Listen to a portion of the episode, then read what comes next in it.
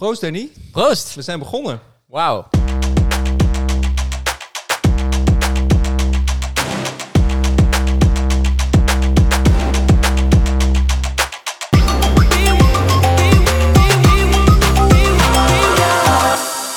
Welkom bij Station Decentraal, de podcast over decentrale technologieën, zoals bitcoin en NFT's en alles wat we in de toekomst decentraal gaan organiseren. Danny, vandaag hebben we het de hele aflevering over bitcoin en ik wil begrijpen hoe, wat het nou eigenlijk is, hoe het werkt en wat we ermee kunnen. Leuk? Ja. Ja. Ja, nee, heel leuk. Jij eh, weet alles van bitcoin. nou dus, ja, ik, ehm, eh, ik, ik, ik, ik, eh, ik, ik ga me vandaag ons best doen. ja, Ja. jij gaat vandaag ons best doen. Dat vind ik heel fijn. ja. Hey, maar wat- Aan, dit soort dingen merk je toch dat het de eerste keer is. Hè? Toch ja, een beetje precies. Die, die, die, dus eh, ehm, dat is helemaal niet erg. Eh, en we gaan een heleboel afleveringen maken. Ehm, niet alleen over Bitcoin, maar ook over een heleboel andere technologieën. NFT's. Ik heb vandaag een Oculus Rift. Dat heeft eh, Ah. ook met de metaverse je, te zeggen, je maken. bent alweer klaar voor de metaverse. Dus ook, of metaverse is ook al decentraal. Er zitten een heleboel decentrale technologieën achter. Ehm, nou, je bent wel serieus aan het voorbereiden. ik ben al. serieus aan het voorbereiden, Danny. Verdikkie, dit wordt echt nog professioneel dit. Absoluut. Ja. Ehm, Maar Maar ja, weet je, gewoon beginnen met, met Bitcoin. Ik denk Ja. dat dat al. ehm, ik zal er straks nog iets meer over vertellen. Maar ik, eh, ik hou me inderdaad wel redelijk veel mee bezig. Maar ik ben ook wel benieuwd. In hoeverre ben jij eigenlijk... Wat weet jij van bit- bitcoin? Wat doe jij ermee? ja, niks. Helemaal niks. Nee, ik heb ooit ja, 0,1 Bitcoin gehad, denk ik. En ehm, ik gaf in 2013 les, 2014, 15 les op de Hogeschool Utrecht. En er zaten een paar nerds en die waren bitcoins aan het kopen. En die zeiden, ja, ja zal ik dan nog voor 75 euro eh, een, een bitcoin kopen? Toen zei ik, ach jongens, ga nou toch gewoon naar de kroeg. Ga lekker 75 euro uitgeven, geniet van je studentenleven. Dat bitcoin, dat, dat is niks. Dat gaat niks worden. Eh, daar ga je echt niet rijk mee worden. Ehm, volgens mij heb jij wel wat meer ervaring met bitcoin. En ook al vanuit je professie met mensen die redelijk wat bitcoin hebben. Maar dat is dus mijn eerste ervaring met bitcoin. En ehm, uiteindelijk heb ik wel een keer wat gekocht.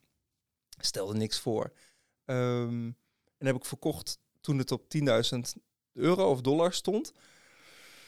Ja, volgens mij staat hij nu op rond de 44, 43.000 Oh, daar ben je wel best goed in dollar. thuis. Nee, ik heb het natuurlijk wel checked af en toe wel hoe het, hoe het gaat. Omdat ik toch wel denk van, ah, shit, ik had gewoon eh vijf bitcoin moeten kopen. Dan eh, was ik ondertussen uh, nou niet klaar geweest. Maar dan, Ja, ja. dit is al meteen een van de... Ja, maar de is dan bitcoin inderdaad een, een investeringsding? Of gaan we er nou echt mee betalen? Of hoe? Vert- Vertel. Ja, dit is, dit is van, ja dit- het is van alles. Je kunt ook op allerlei manieren naar bitcoin kijken. Dus meestal als het over dit onderwerp gaat, dan ehm, ja, kun je eigenlijk het beste om gewoon eerst even naar de omgeving te kijken, vaak de context zeg maar waarbinnen eh, bitcoin eh, plaatsvindt. Want daar kun je ook een beetje soort van beter eh, daarna de beoordelen van ja, hoe waardevol is het dan eigenlijk dat er bitcoin is. En ehm, ja, ik denk de beste situatie om, om daarnaar te kijken. misschien ken je het boek wel, Ons Geld is Stuk. Ken ik? Niet gelezen nog. Nee, dat, Moet ik dat? Nee, nee, nee, nee, eh, ja, dat is wel, sowieso een tip. Dus die ga ik bestellen. Eh, maar die, die, die, die, die titel vind ik wel heel mooi. Ehm, want die begint eigenlijk ook met die omgeving. Die zegt eigenlijk van, ja, er zijn, eh, er zijn wel wat dingen aan te merken op ons huidige geldsysteem. En ik denk wel dat we dat als Nederlanders misschien ons niet zo bewust van zijn. Want ja, we hebben alles Wat toch is er mis met onze bankpas Goed voor en- elkaar. Ja, eh, wij, eh, als ik jou eh, nu iets overmaken met mijn bankieren-app, dan een fractie van een seconde later, dan, dan staat het er bij jou bij. Ja. Dus dat functioneert eigenlijk best wel, wel goed. En in Nederland, ja, heel eerlijk gezegd, valt dat ook wel mee als je dat vergelijkt met de rest van de wereld. We kunnen misschien wel wat haarscheurtjes soort van zien in ons geldsysteem. En er zijn er, ja, een paar dingen bijvoorbeeld. Nou ja, heb jij een spaarrekening nog bijvoorbeeld? Ehm, ja, stelt, ja, stelt niks voor. Nee, wa- waarom, waarom niet?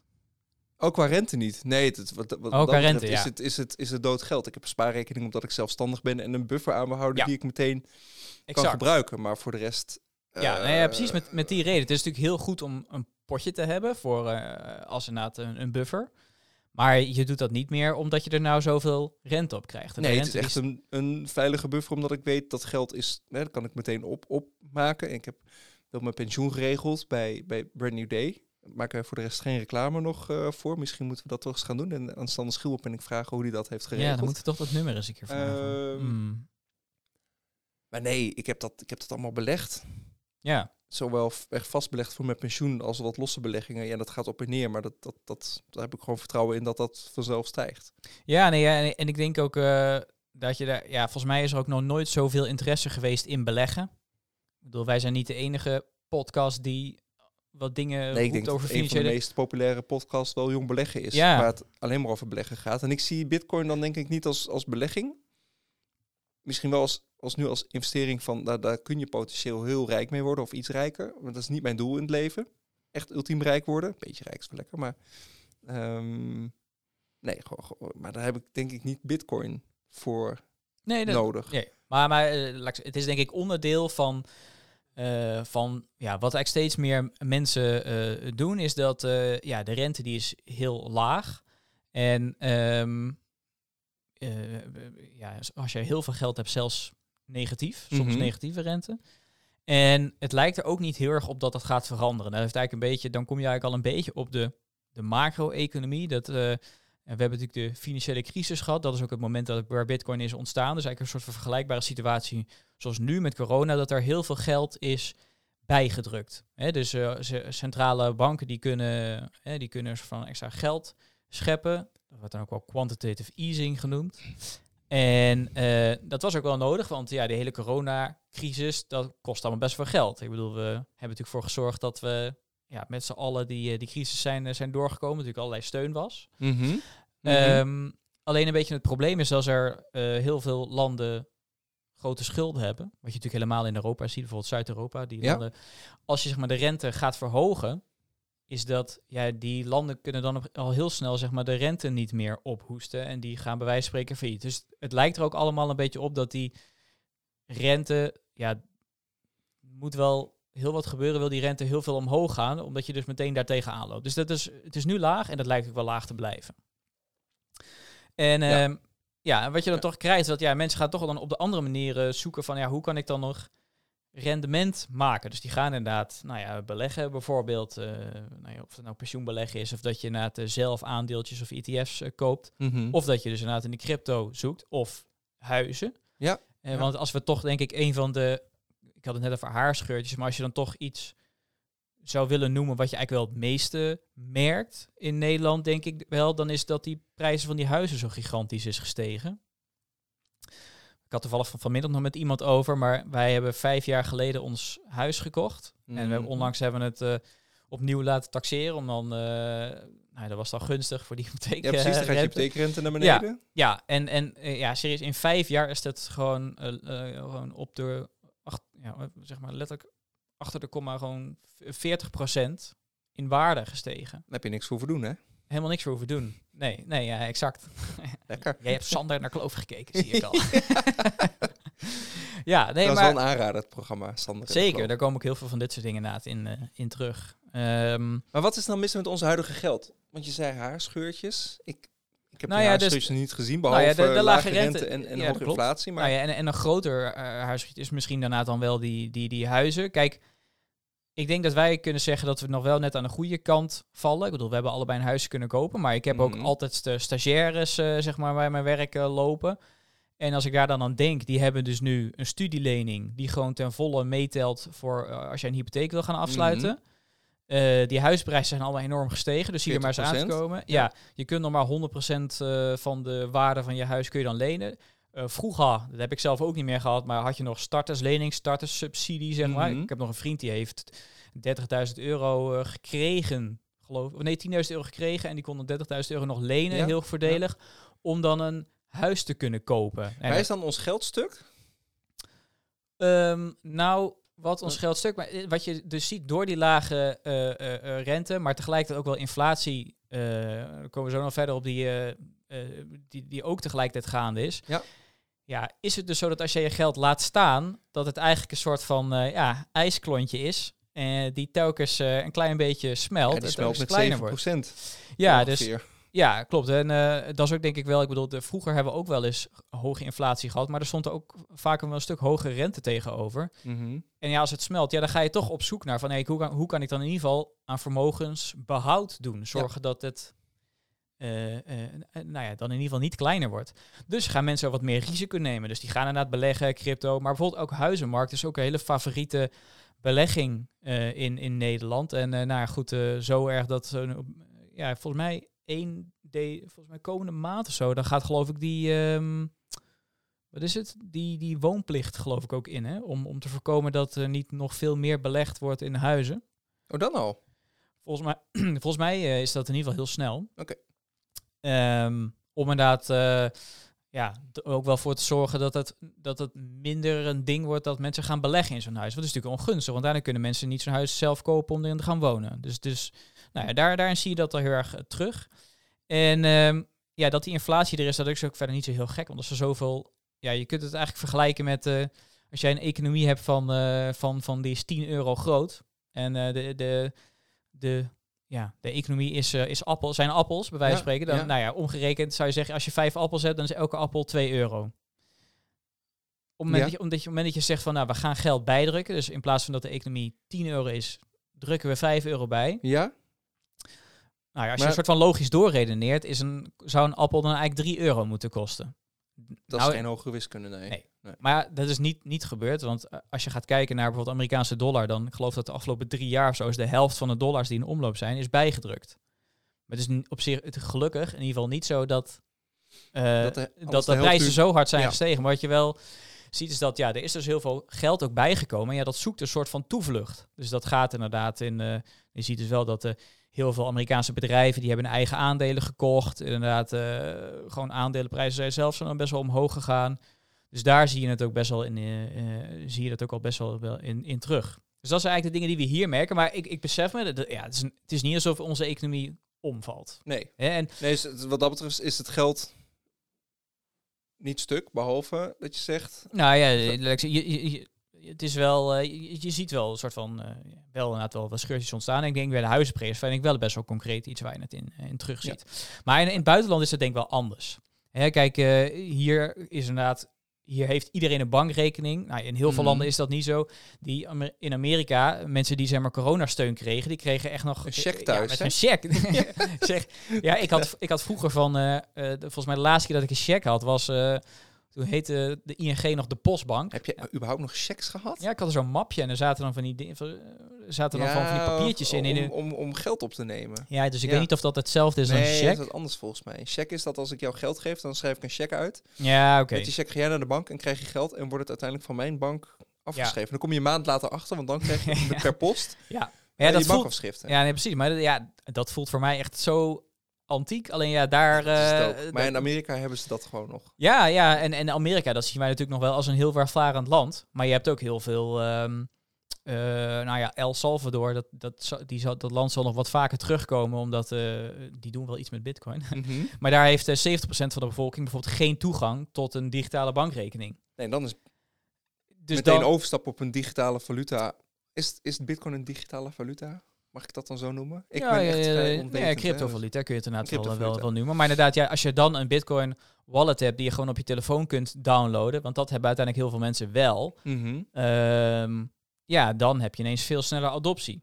Ehm, en ja, even in het buitenland zijn heel vaak eh, zijn, eh, is, eh, zijn, zijn die systemen ook gewoon langzaam.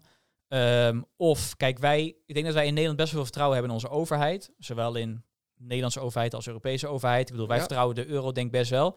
En de bank, ja, de, bank maar- de Nederlandse bank of de Europese Ja. bank. Ja. Ja, maar er zijn natuurlijk ook landen waar ja, of de overheid corrupt is of gewoon niet zo, niet zo goed met dat geld omgaat. Ja, denk zoiets als Turkije. Dat is dat denk ik voor onze land dat ja, daar ga je nog wel eens op vakantie, zeg maar. Het is een Europees land. Maar eh, ja, dat geld is daar zeg maar zo erg in waarde gedaald eh, dit jaar, zeg maar. Dat ja, dan gingen de Apple stores dicht, omdat het geld elke, elke dag minder waard Ja. was. Dus daar hebben ze, zijn, ze- zijn ze gewoon gestopt met, met, met online en, en, en fysieke ja, verkoop van producten. Ja, dus, dus eh, de- eh, klopt, dus dat is een incompetentie. Maar bijvoorbeeld ook, eh, ja, er zijn ook landen waar je, waar- ja, wat een dictatuur is. Dus als jij zeg maar niet, niet doet wat de overheid, of de dingen doet die de overheid niet leuk vindt, ja, dan kunnen ze je uitsluiten. Of zeg maar misschien landen waar heel veel digitale surveillance is. Mhm. Ook allemaal reden dat je misschien liever niet overheidsgeld gebruikt, maar misschien een soort alternatief. Ja, dus dat, dat, zou, eh, dat zou natuurlijk kunnen. En is, is Bitcoin dan de enige betaalmiddel? Er zijn natuurlijk heel veel cryptovaluta, maar is dan Bitcoin... Ja, Bitcoin is voor mij wel, dat is wel duidelijk de, de basis. Die heeft zich gewoon veruit het meest bewezen. En eh, daarom denk ik ook, eh, ehm, ja, qua, eh, vooral omdat het gewoon qua adoptie veruit het grootst. Wat, zou dan Is. een tweede zijn? Bij, eh waar je... Nou ja, kijk, laat zeggen, voor mij is Bitcoin als het gaat over eh, een soort van ja, waardebehoud. Mhm.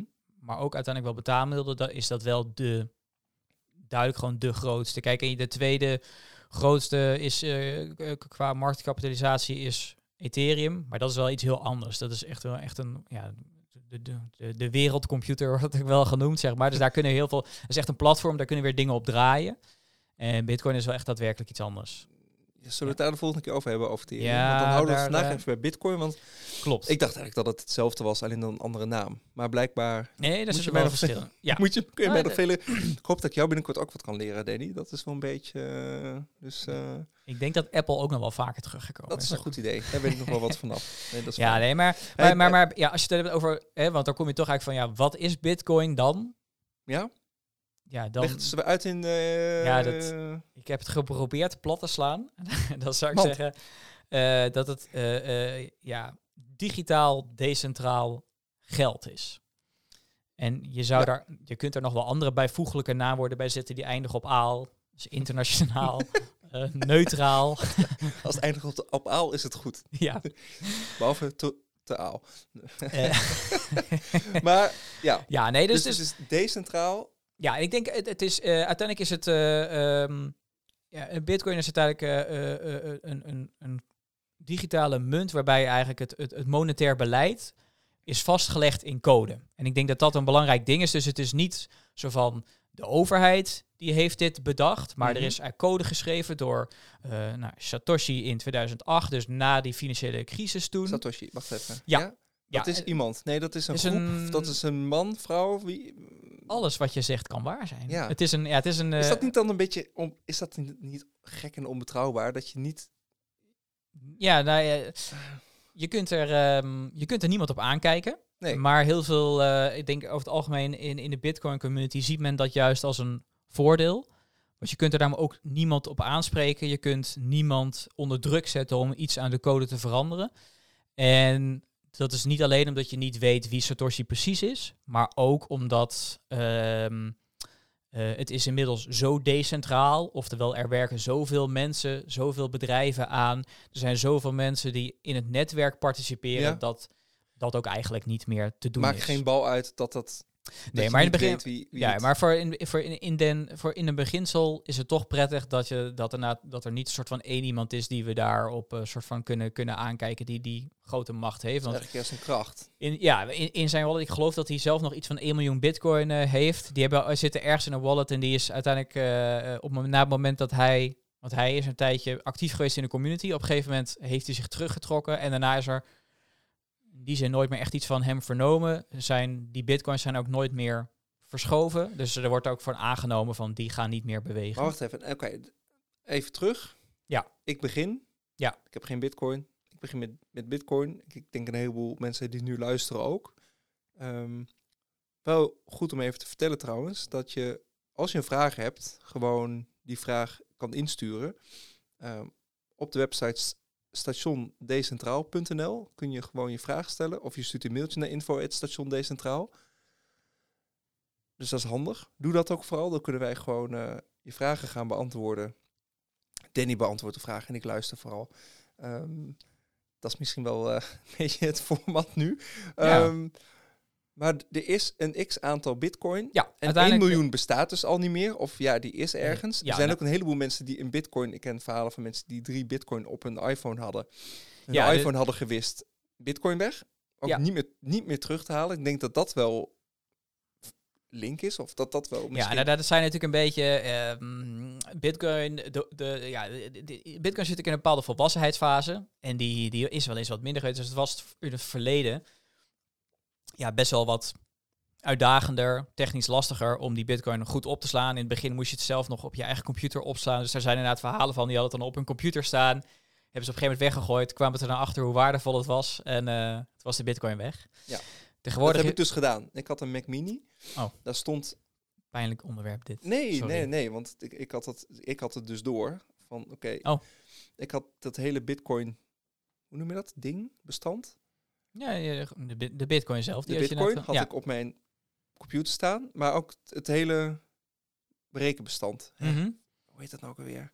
Ja, nee, maar ga, ik, ik, ik snap wat je bedoelt. Je, Met- je had in ieder geval lokaal had je ik het had lokaal iets draaien, hing aan het internet. ehm, heb ik uiteindelijk veilig in een apparaatje gestopt. Daar gaan we het ook gewoon nog over hebben. Op een USB-stickje. Oh, heel goed. Nee, ik moest van jou. Dus ehm, eh, uiteindelijk heb ik dat verkocht. Het, stickje eh, ligt nog ergens te slingeren volgens mij, maar er zit niks meer op. Maar dat is het gevaar. Tenminste, destijds. Klopt. Je had een computer. Ja, dat, dat was, Maar even, even helemaal terug naar hoeveel bitcoin zijn er en hoe, hoe werkt dat? ja, dus er zijn er in de code is vastgelegd dat er uiteindelijk 21 miljoen in omloop komen. Mhm. En daar is een bepaald uitgifteschema voor. En elke min of meer vier jaar ehm, eh, eh, verandert de, ja, noem het de inflatie. Eh, maar elke, de- elke dag komen er zoveel in de omloop. En eh, dat halveert elke vier jaar.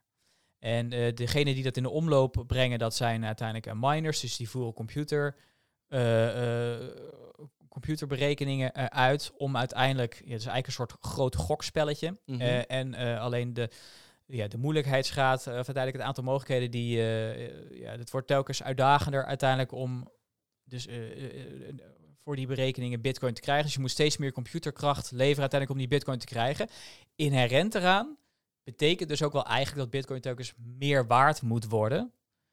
Dat zit daar eigenlijk inherent aan, want je hebt steeds meer computerkracht nodig. Dus je hebt ook steeds, ja, uiteindelijk onderdeel van dat bitcoin steeds volwassener is, is ook dat die meer waard moet worden, omdat het anders niet meer loont om dat te doen. Ja, gaan we twee, één stap terug. Ik heb nog één ander ding. Dat is hè, heel veel rekenkracht. Volgens mij staat Bitcoin heel erg bekend om super onduurzaam. Daar gaan we het de volgende keer over hebben. Ja. Want wij zijn best wel van de duurzaamheid allebei. Ja. Ehm, maar eh, dat, parkeren we even. Even- leuk, we creëren al vier nieuwe ja, afleveringen joh, volgens mij. gaat tot in het door. En dat is fijn, want dat is gezellig. Ehm 21 miljoen bitcoin. Ja. 1 miljoen is al niet meer beschikbaar, want dat heeft iemand die Ja. er niet meer is. Ik ga even een gok doen dat er volgens mij nu of 18 of 19 miljoen in omloop zijn. Oké, dat We is al hebben best... namelijk onlang, onlangs net die mijlpaal gehad. Het is natuurlijk heel slecht dat ik dit nu niet Nee, weet. dacht, eh, maakt niet uit. Alles is snel op te zoeken. Dus eh, Danny gaat het ondertussen even Ja, opzoeken. Ik ga even ik. nadenken over die vraag. Eh, Je hebt miners, die doen 19 berekeningen. miljoen. 19 miljoen. Van de 21 miljoen zijn er 19 miljoen uitgegeven. Er zijn twee dingen. Eén. Die mensen, die minen, die doen berekeningen. Als ik naar jou iets van een bitcoin, of een deel van de bitcoin overmaak, dan moet dat berekend worden om mijn bitcoin bij jou te krijgen. Ja, klopt. Even sec gezegd. Dan de tweede. Door dat minen krijg je zelf ook een deel van een bitcoin. Toch? Dus dat minen levert Ja, de miners die Oh, worden het ligt inderdaad... er een beetje aan hoe je je energie opwekt en hoe, hoe netjes dat gaat. Maar in principe zijn dat het, is dat de bitcoin. Ja, nee, je, nou, je, je legt het heel simpel uit, maar het klopt ook nog eens. Check. ik heb echt wel nee geluisterd Misschien hoor. moeten we onze rollen omdraaien. Dat ik- Nee, ja. nee, eh, nee, maar, maar eh, eh, klopt. Dus inderdaad, als miner word je inderdaad daarvoor voor, voor beloond. Dat als jij een blok mag minen, zoals het zegt, dan krijg je daar inderdaad daarvoor een beloning. Blok, minen, ja. Ja, en een blok, ehm, ja, zonder, er al te, ja, ik, ik- zonder al te veel op de techniek in te leggen. Uiteindelijk, je, je hebt vast wel eh, eens van het woord blockchain gehoord. Dus dat is eigenlijk, Ja.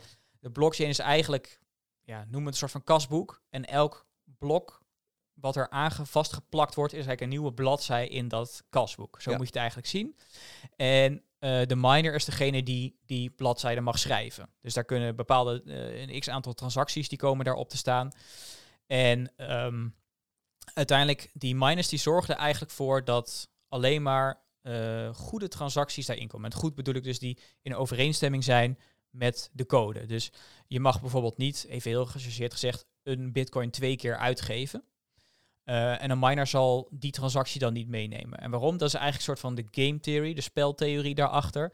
Is dat op het moment dat jij eh, een, een, foutieve transactie mindt, dan de andere miners keuren die waarschijnlijk af. En dan mag jij dat blok niet meer minen. Dan gaat de beloning naar iemand anders. Mhm, Dus mhm. volgens de speltheorie, zeg maar, is, eh, is het uiteindelijk in het eigen belang van de miners om alleen eh, een- een goede eh, transacties eh, daar, daar eh, in, in zo'n blok te, te stoppen. Maar daarmee, door die speltheorie, dat zo- zorgt er dus eigenlijk voor dat zij bewaken eigenlijk eh, de regels van Bitcoin daarmee. Ah, ik kan dus niet twee keer mijn bitcoin tegelijkertijd naar jou overmaken. Ja. Nee. Ja. Nee. Nee, ja, Nee. nee, nee, dat kan dus eigenlijk niet. Nee. En degene die dat mindt, die het, het, het snelste dat heeft on- ontdekt, Ja, of dus heeft, die- heeft die- die- berekend, die- die, krijgt, die krijgt een deel van... Ja, dus eigenlijk die, die het geluk had dat hij eh, ook eh, de juiste gok had gedaan, die mag dat blok dan inderdaad eh minen en die wordt daar dan voor, voor beloond. Ja. En dat wordt steeds moeilijker, want meer bitcoins in omloop Ja. is meer minewerk. Dus dat heeft niet zin. Het heeft geen zin om hier mijn laptopje open te laten staan en dat proberen uit te rekenen. Nee, dat, nee, dat klopt. Dus er zijn, dat is inmiddels nou ja, zijn dat inderdaad echt gespecialiseerde eh, miners die dat, die dat, dat doen. Is dat nog een verdienmodel voor ze? Of? Ja, nee, zeker. En dat is, nou ja, daar zullen we in die aflevering duurzaamheid nog wel verder over hebben. Maar dat is een heel, dat, dat steeds meer geoptimaliseerd. Ook op energiegebruik bijvoorbeeld. En de, ja, geografisch eh, doet dat ook het, eh, het een en ander. Eh, maar uiteindelijk zorgen die miners, de, uiteindelijk dat, dat het mechanisme van Bitcoin, dat, dat zorgt ervoor. En ik denk dat dat is eigenlijk, ja, als je toch het over dat je naar de kern probeert te komen van ja, wat is, is Bitcoin dan? Kijk, het mooie van internet is dat, weet je, vroeger als ik een zo'n, vroeger, Mhm. vroeger, als ik een, een, een, een bandje had en dat, dat ging je dan, Een bandje of een bandje? nee, echt zo'n bandje, zo'n cassette. Cassettebandje. En die probeerde, Ja. die ging je dan kopiëren. Ja. Dan was eigenlijk de kopie vaak slechter dan het origineel. Ja, Eh, en het gave van internet is, is dat ineens is het mogelijk om inderdaad gewoon bestanden te delen. Dus ik kan nu jou foto's sturen, pdf's. En elke keer wat er gebeurt, is op het moment dat ik dat jou stuur, is dat dat... eh, in feite wordt er een kopie gemaakt van dat bestand. En de kopie is eigenlijk precies hetzelfde. Ja. dat, eh, je dat hebt, het, je hebt het bestand Ja. en ik heb het bestand. En voor ik stuur je mijn, mijn Word-document over Ja. deze aflevering. Dat is exact het Word-document Ja, wat jij krijgt. Exact. En voor het internet is dat van, voor heel veel dingen is dat fantastisch. Maar als het gaat over digitaal eigendom, dan niet. Kijk, wat, wat in de fysieke wereld, als ik jou 10 euro geef, dan is die daarna van jou niet meer van mij. Zeg Ja, maar gewoon de ja. wet van de natuurkunde. Ik heb hem niet meer, jij hebt hem wel. Ja. Maar online heb je dat zeg maar niet. En, en, en hoe we dat meestal hebben opgelost, is dat er een centrale partij was. Dus inderdaad een, een, een bank. Dus als Mhm. ik bij mijn bank inderdaad geld overmaak naar jou, dan staat het niet meer bij mij, maar wel bij jou. En de bank die houdt dat eigenlijk bij. Die zorgt Echt ervoor dat kasboek. Ja. dus die, die, ja, en ik denk Bitcoin is eigenlijk de eerste technologie die datzelfde kan, eh, daarvoor kan zorgen, maar dan decentraal. Dus dat er inderdaad code is die dit bewaakt, eh, eh, die dus inderdaad ja, digitaal, digitaal eigenaarschap eigenlijk van, nou, in dit geval geld dus kan, kan regelen. En ik denk dat dat de revolutie uiteindelijk is van, van, van wat Bitcoin is. En decentraal is daarom ook heel erg belangrijk. Want als, hè, ik, volgens mij moeten we altijd, we zijn uiteindelijk eh, station decentraal. Dus uiteindelijk, Klopt. hè, eh, en wat is dan het belang van decentraal hier? In, in die zin dus eigenlijk alle lagen van Bitcoin, dus zowel de miners als eh, alle eh, mensen die erin investeren, alle partijen die erop bouwen, hè, dat eh, in al die lagen, eh, ontwikkelaars, en dat Mhm. in, in al die lagen, dat er gewoon heel veel mensen aan werken en dat het daarmee uiteindelijk steeds decentraler wordt en dat er dus niet één partij is of één iemand die zo ineens de spelregels kan veranderen. Want dat is natuurlijk wel, ja, bij wijze van spreken, eh, als wij straks samen achter de computer gaan zitten, dan hebben we binnen 10 minuten hebben onze, ja, dan hebben we onze, onze Alio coin hebben we gemaakt. Echt? Ja, kunnen we best doen. Zullen we doen? Zullen we een station decentraal coin maken? Ja, wie weet. En dan? Eh, nou ja, kijk, en dan, Dan kunnen mensen die kopen. Ja, die kunnen, die kunnen die kopen en die kunnen we gaan uitgeven. Ehm, en ja, voor de fun is dat leuk. Maar als je het zeg maar gewoon serieus wil gebruiken. Kijk, wij zouden op een gegeven moment gewoon kunnen zeggen. eh, nou ja, eh, nu- ja, laat ik zo zeggen, deze term eh, eh, sh- shitcoins. Ja, En, die ken eh, ik. ja. Ja. En nou ja, bijvoorbeeld, ik weet het, omdat ik dit heb uitgezocht, maar... Omdat je eh, erin bent getrapt. eh, nee, nee, nee, nee, Ik, op een gegeven moment werd mij nog wel eens iets gevraagd. Maar bijvoorbeeld Floki, de, een soort... eh, eh, ja, ook een crypto-project en die, die wat Mhm. aandacht heeft gekregen omdat eh, zij eh, FC Twente eh, sponsoren. Mhm.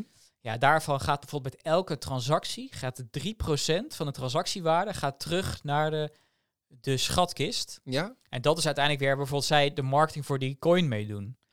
Ja, je, dus als wij op een gegeven moment stel onze coin eh, gaat lopen, nou dan gaan we op een gegeven moment zeggen, we, nou voor elke transactie gaat eh 2% naar Danny en 2% naar Aljo. zo Zouden we kunnen doen. goed doel, Ja. toch? Ja. Eh, ja, zeker goed doel. Dus we gaan. En- en dat ik, vind ik wil, ik wil eh, na deze eh, opname gaan wij even zitten en dan gaan we ons een coin eh, bedenken. Kijk, en voor ons is dat leuk. En voor onze, ik vind het ook best wel een goed idee dat voor onze eigen podcast dat wij gewoon lekker de regels kunnen aanpassen. Maar we kunnen wel zeggen, als we gewoon een serieus geldsysteem hebben, is dat natuurlijk niet zo heel wenselijk als de, een overheid ineens kan zeggen, nou, we, we veranderen de spelregels.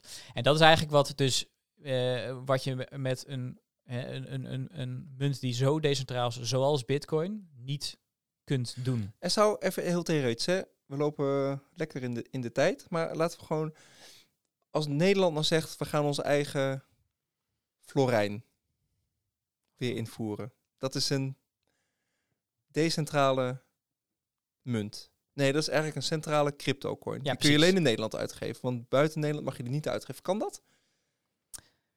En van elke transactie zeggen zij, we hebben geen inkomstenbelasting meer. Ik ga even heel ver, hè? Ja, ja. Maar elke transactie die je doet is 1% of 0,1% of 0,01% voor de schatkist. Mhm. Kan dat? Ja, nee, zeker, dat kan. En dat, dat zal ook best wel functioneren. Eh, maar het is niet decentraal in die zin. Dus inderdaad, de Nederlandse overheid kan dan gewoon de regels veranderen wanneer ze dat zelf Ja. willen. Maar goed, dat gaan wij dus binnenkort met onze eigen coin doen. Ja, ja, wil even een goede naam verzinnen. Ehm, nou goed, mocht je als luisteraar een goede naam weten, stuur vooral in. Dat scheelt ons eh, wat denkwerk. Ja. Ehm, Ja, maar uiteindelijk, hè, wa- eh, gewoon dat beantwoorden van die vraag van wat is Bitcoin, dat, ja, wat dat, is blijft, Bitcoin? dat blijft uiteindelijk gewoon een lastig. En eh, eh, ja, ken je eh, volgens mij die Hans, Hans Bromet? Ja? Frans Bromet. Frans Bromet. Danny. oh, oh, oh, wil je een telefoon? Ja, ja, Mobiele telefoon. Ja, precies. Dat, dat filmpje, die, die, ik denk, dat laat heel mooi zien. Hij laat heel veel dingen heel mooi zien.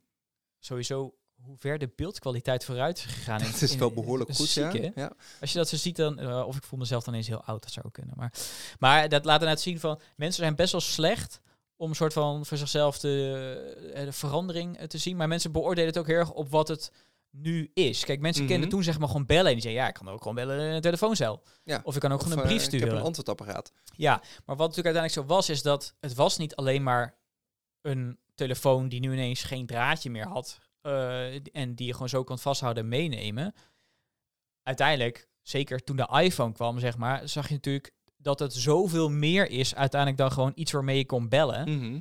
En dat is denk ik ook soms nog wel een, een lastige eh, eh, als, het gaat over, als het gaat over Bitcoin. Dus we beoordelen het nu heel erg op wat het nu is, maar niet op wat het gaat zijn. Kijk, uiteindelijk, het is een internationaal eh, netwerk waar op zoveel plekken aan gewerkt wordt en innovatie op, op plaatsvindt.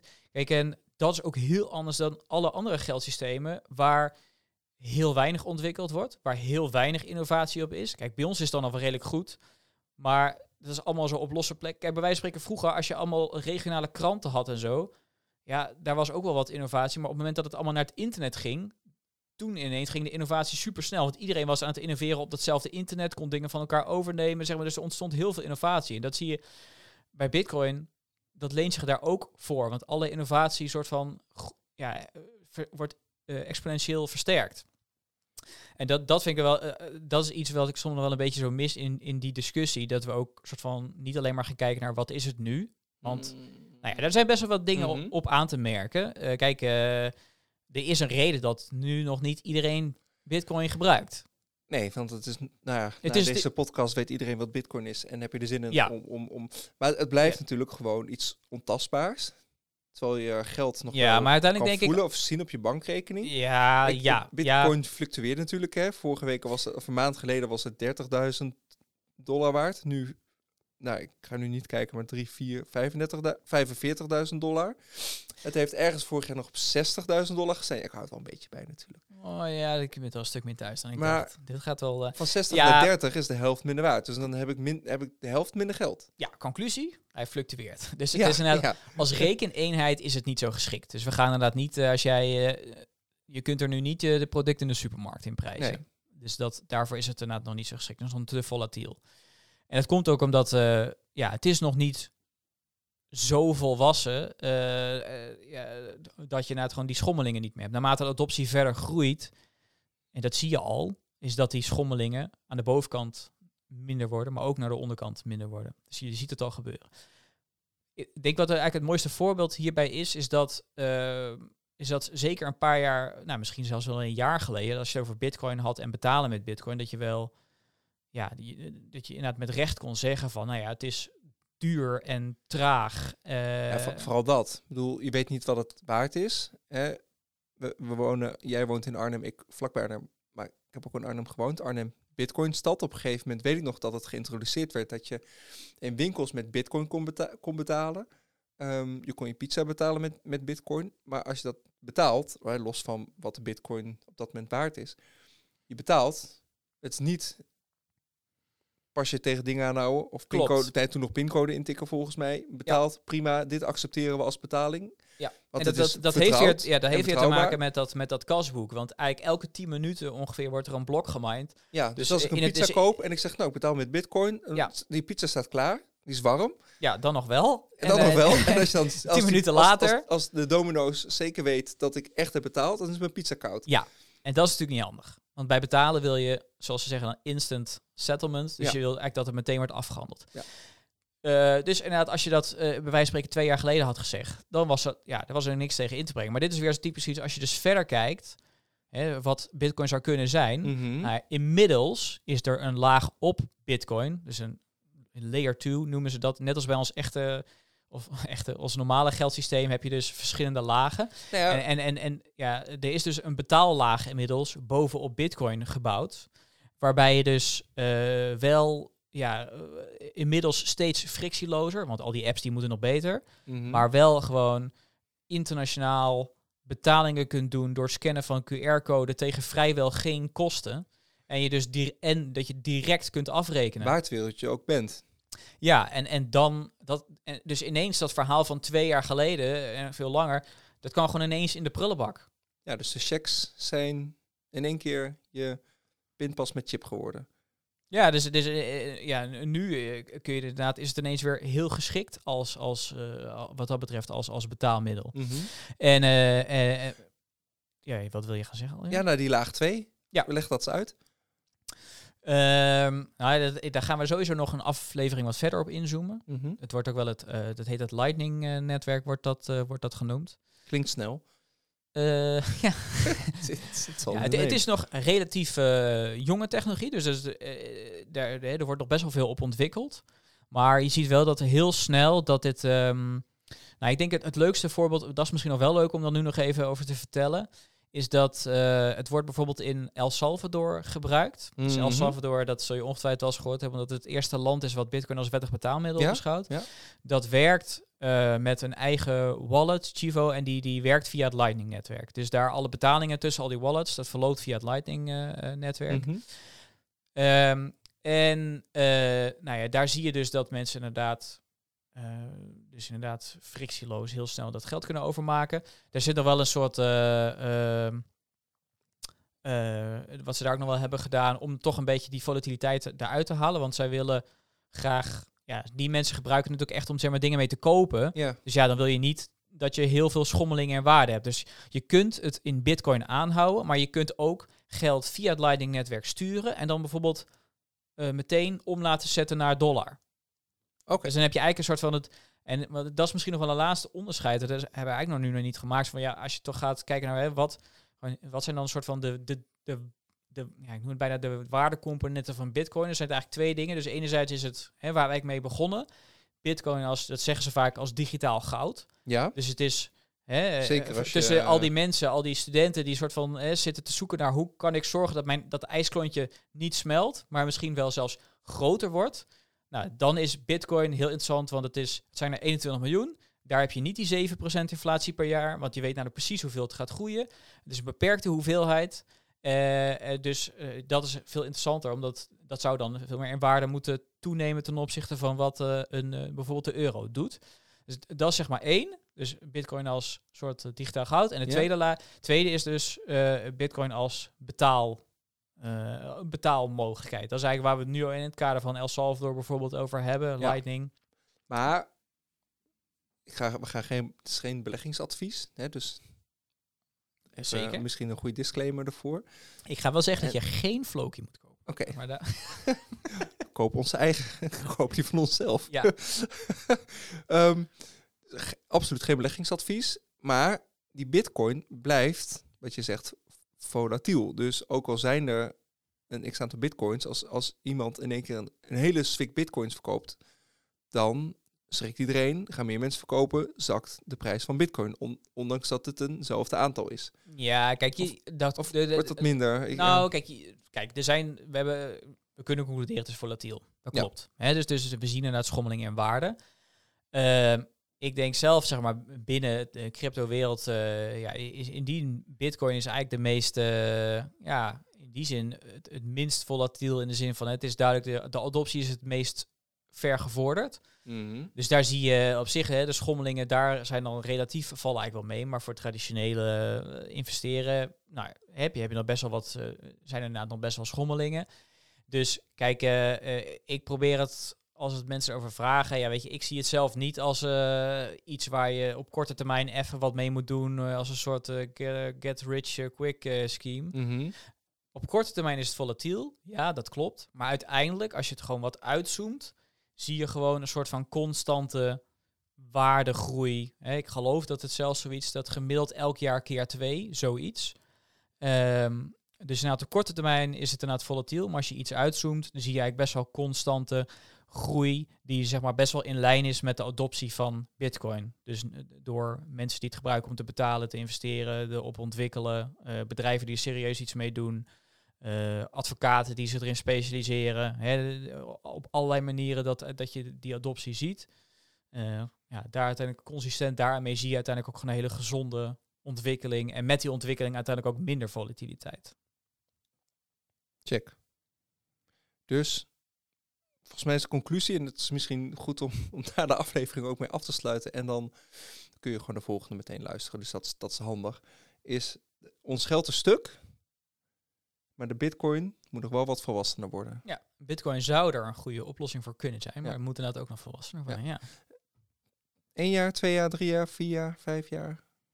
Wat, eh, Nou ja, eh, dus, dus eh, wel interessant inderdaad. Want ik zei al van een soort van inherent aan dat, dat die, die beloning voor miners afneemt. Dat betekent ook dat die bitcoin steeds meer waard moet worden. Mhm. Om uiteindelijk die kosten nog te kunnen verantwoorden. Dus, en daarmee moet het dus ook waardevoller worden. Dus het is best wel interessant om zeker om over een jaar of tien. eh, ja, moet het wel echt eh, zeg maar grote adoptie hebben om ook eh, hè, om die waarde ook te kunnen vertegenwoordigen. Dus dat, dat wordt interessant. eindconclusie, ons geld is over tien jaar echt stuk en dan is de bitcoin volwassen. Ja. Zullen we het daarop houden? Dan Ja. moeten we nog tien jaar door met deze podcast. Ik heb nog even. Oké, ja, ik ook. Dus laten we het gewoon, gewoon doen. Cool. Danny, ik ben blij met deze eerste podcast van eh, Station Decentraal. We gaan nog veel, veel, veel langer door. Ehm, mocht je geluisterd hebben, en dat heb je, want je bent nu aan het luisteren. Ja, dus dat is en je beetje- bent er nog. Je bent niet in slaap gevallen. Nee, dat is fijn. Ehm, laat alsjeblieft een recensie achter. Ehm, het, eh, in, in Apple Podcasts kan dat eh, het allerbeste. Stel je vraag waar dit dan ook over gaat, decentraal. Dus gaat het over NFT's? Gaat het over Bitcoin? Gaat het over andere coins? Gaat het over je digitale identiteit? Gaat het over de metaverse? Zeker. Dat kan We gaan ook gasten uitnodigen. Er staan Ja. al wat gasten op de lijst. Ehm, Ja, die dat kan, vragen- dat kan natuurlijk input zijn voor aflevering, maar ik denk dat we ook wel, eh, nou, misschien gaan we ook wel vragen beantwoorden tijdens afleveringen. Dat kan ook. Ehm, je kunt gewoon inbellen. Ja, Ehm, dat kan. Er staan al een paar mooie gasten op de lijst. gaan we binnenkort eh, bekendmaken. Stel je vraag via stationdecentraal.nl of info.stationdecentraal.nl. Alles kan. Danny, dank. Graag gedaan. Ik vond het gezellig. Ja. Ehm, tot volgende week.